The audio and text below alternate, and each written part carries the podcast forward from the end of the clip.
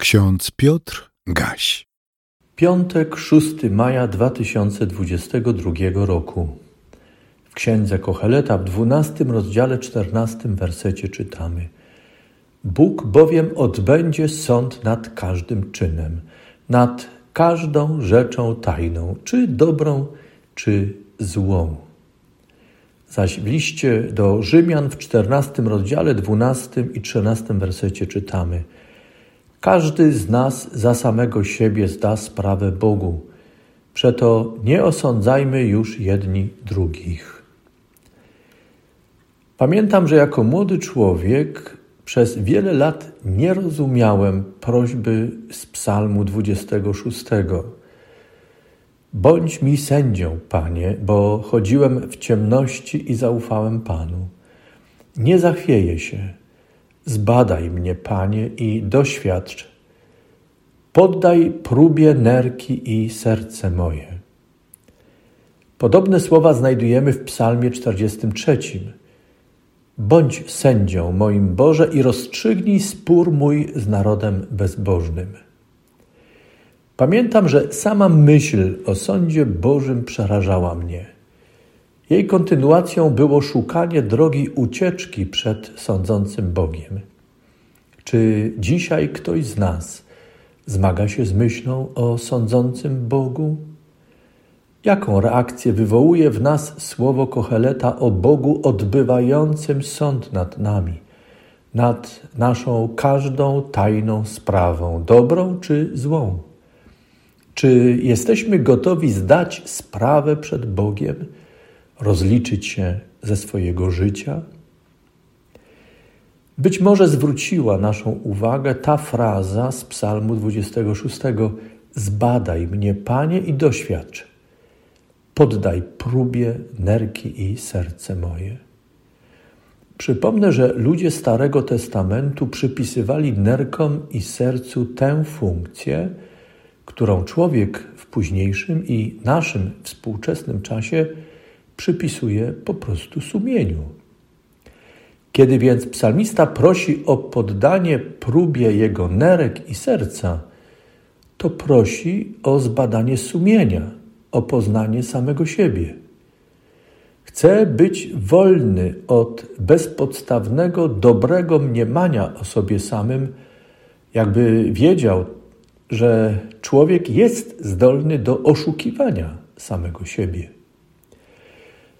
Że tak jest, mamy na to wiele przykładów. Jednym z klasycznych przykładów jest rozmowa Adama i Ewy w raju. Zdolność człowieka do samousprawiedliwienia nie ma granic, a zwalanie odpowiedzialności za własne sprawy na Boga, drugiego człowieka i cały świat przybiera najbardziej wysublimowane i bezwstydne jednocześnie formy. My, ludzie, jesteśmy w tym mistrzami. W tej sytuacji człowiek dostrzega dla siebie samego zagrożenie wtedy, kiedy takie wysublimowane samousprawiedliwienie mogłoby zostać obnażone, a w konsekwencji ujawniony zostałby bezwstyd w naszym sposobie bycia. To nasze ciągłe gwałcenie wszelkich dobrze rozumianych granic chroniących wolność i prawość. W natchnionych pismach Bóg objawia się jako jedynie sprawiedliwy sędzia, który bada ludzkie sprawy w sposób obiektywny, prawdziwy i uczciwy, zarówno te jawne, jak i ukryte sprawy. Przed nim, przed Bogiem nikt i nic nie zdoła się ukryć. Tym samym Bóg jako sędzia budzi respekt, a nawet lęk. Któż bowiem może się ostać przed Bogiem? Gdzie człowiek może się ukryć przed sądem Pana? Zauważmy, że Adam i Ewa, kryjąc się przed Bogiem wśród drzew ogrodu, usłyszeli pytanie Boga: Gdzie jesteś?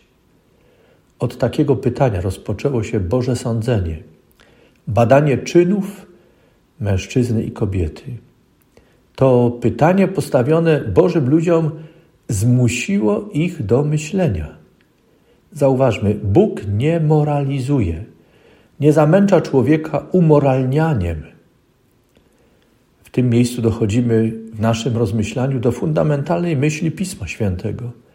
Boże sądzenie dla człowieka jest drogą do poznania samego siebie. To trudna droga dla człowieka, bo bywa, bywa bolesna. Po prostu to boli poznawanie samego siebie. Skoro tak, człowiek próbuje uniknąć tego bólu, a w konsekwencji ucieka przed samym sobą, przed Bogiem i woli siebie oszukiwać, niż stanąć, jak mówimy czasem, w prawdzie. Najwyższy czas dla nas zrozumieć to, że w sądzącym Bogu mamy cudownego lekarza, który niesie nam pomoc. Bóg najpierw rozmawia z nami o diagnozie, o naszym stanie, o śmiertelnym zagrożeniu z powodu grzechu.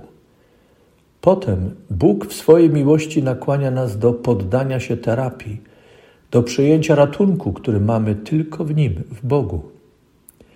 Nieustanne poddawanie się Bożemu Sądowi tu i teraz to dbanie o poznanie samej siebie, samego siebie. To jeden z podstawowych warunków zachowania właściwej kondycji w życiu dla Boga i całego Jego stworzenia. Kiedy Bóg bada nasze sumienie, kiedy stajemy przed Nim, by prześwietlił wszystkie nasze sprawy, wtedy w naszym myśleniu i postępowaniu zbliżamy się do naszego Pana. W tym kontekście ciekawie i inspirująco brzmią słowa świętego Franciszka, które znajdujemy w książkach z Biblią na co dzień pod hasłami dzisiejszego dnia. Franciszek napisał: Najpierw zrób to, co konieczne, potem to, co możliwe, i nagle zrobisz to, co niemożliwe.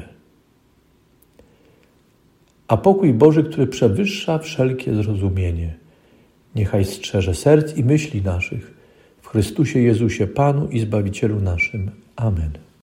Więcej materiałów na www.trojca.waw.pl